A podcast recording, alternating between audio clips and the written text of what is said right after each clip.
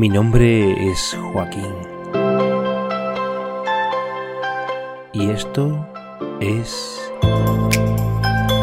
segunda temporada de Meeple Podcast.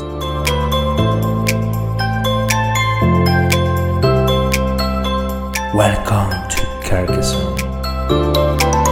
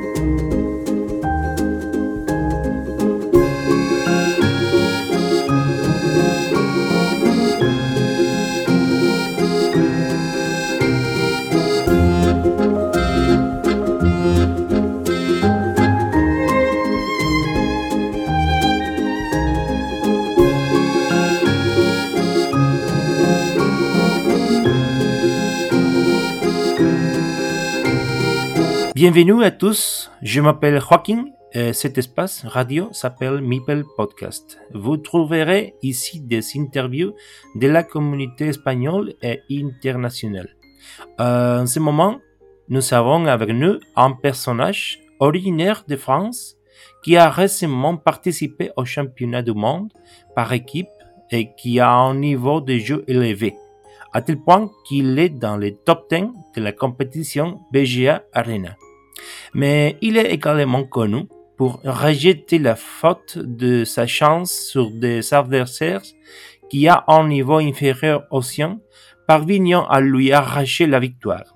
Vivienne Charlotte, plus connue sous le nom de Vive dans Board Game Arena, nous rend visite aujourd'hui sur le Meeple Podcast. Bienvenue, Vivian.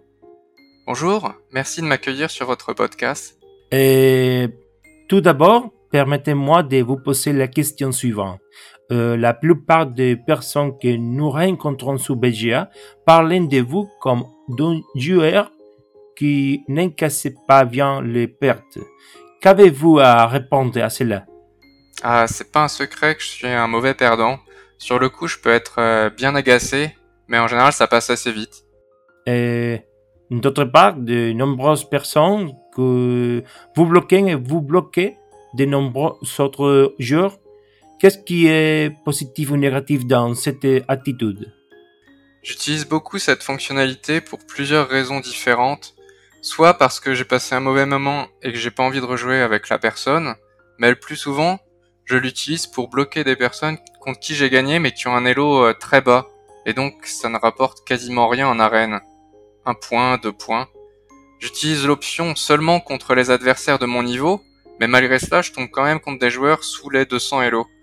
Du coup, je décoche aussi très souvent le blocage, mais parfois c'est difficile de se rappeler quelle personne on a bloqué.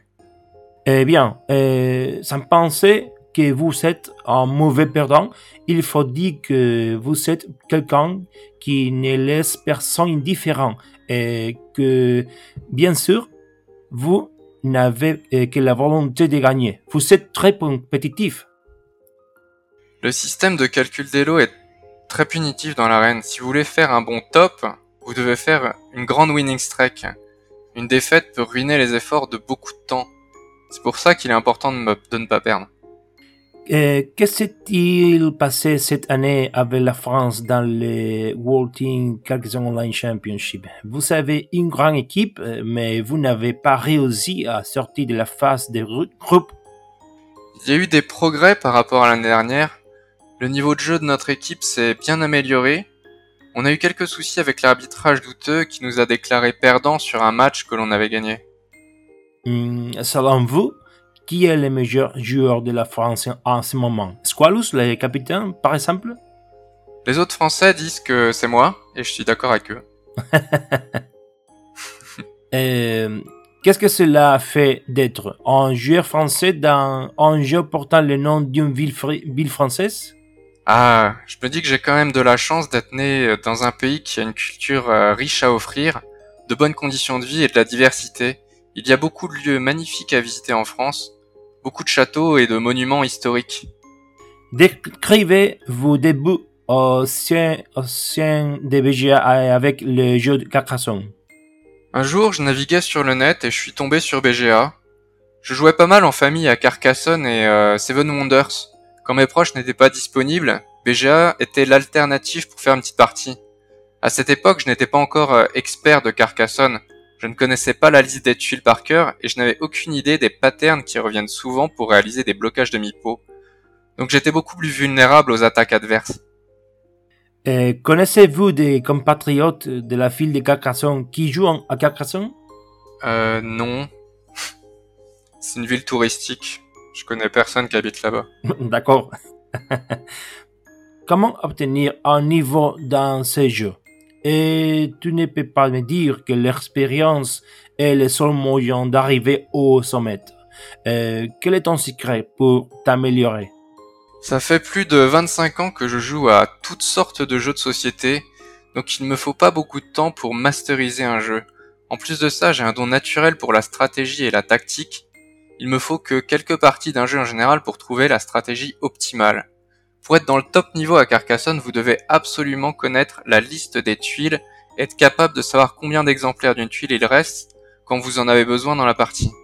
Ensuite, vous devez réfléchir, quand vous construisez des choses, à comment les agencer pour être le moins vulnérable au blocage et optimiser les points que vous pouvez tirer d'une tuile. Vous devez essayer de fixer les priorités tout au long de la partie. Par exemple, cela peut être d'empêcher que votre adversaire termine une grosse ville ou récupérer vos mipos pour en avoir assez à en mettre dans les champs. Euh, je voudrais suggérer que vous débloquiez tous les Espagnols. Croyez-le euh, ou non, on parlait beaucoup de vous dans la communauté Carcassonne Espagne.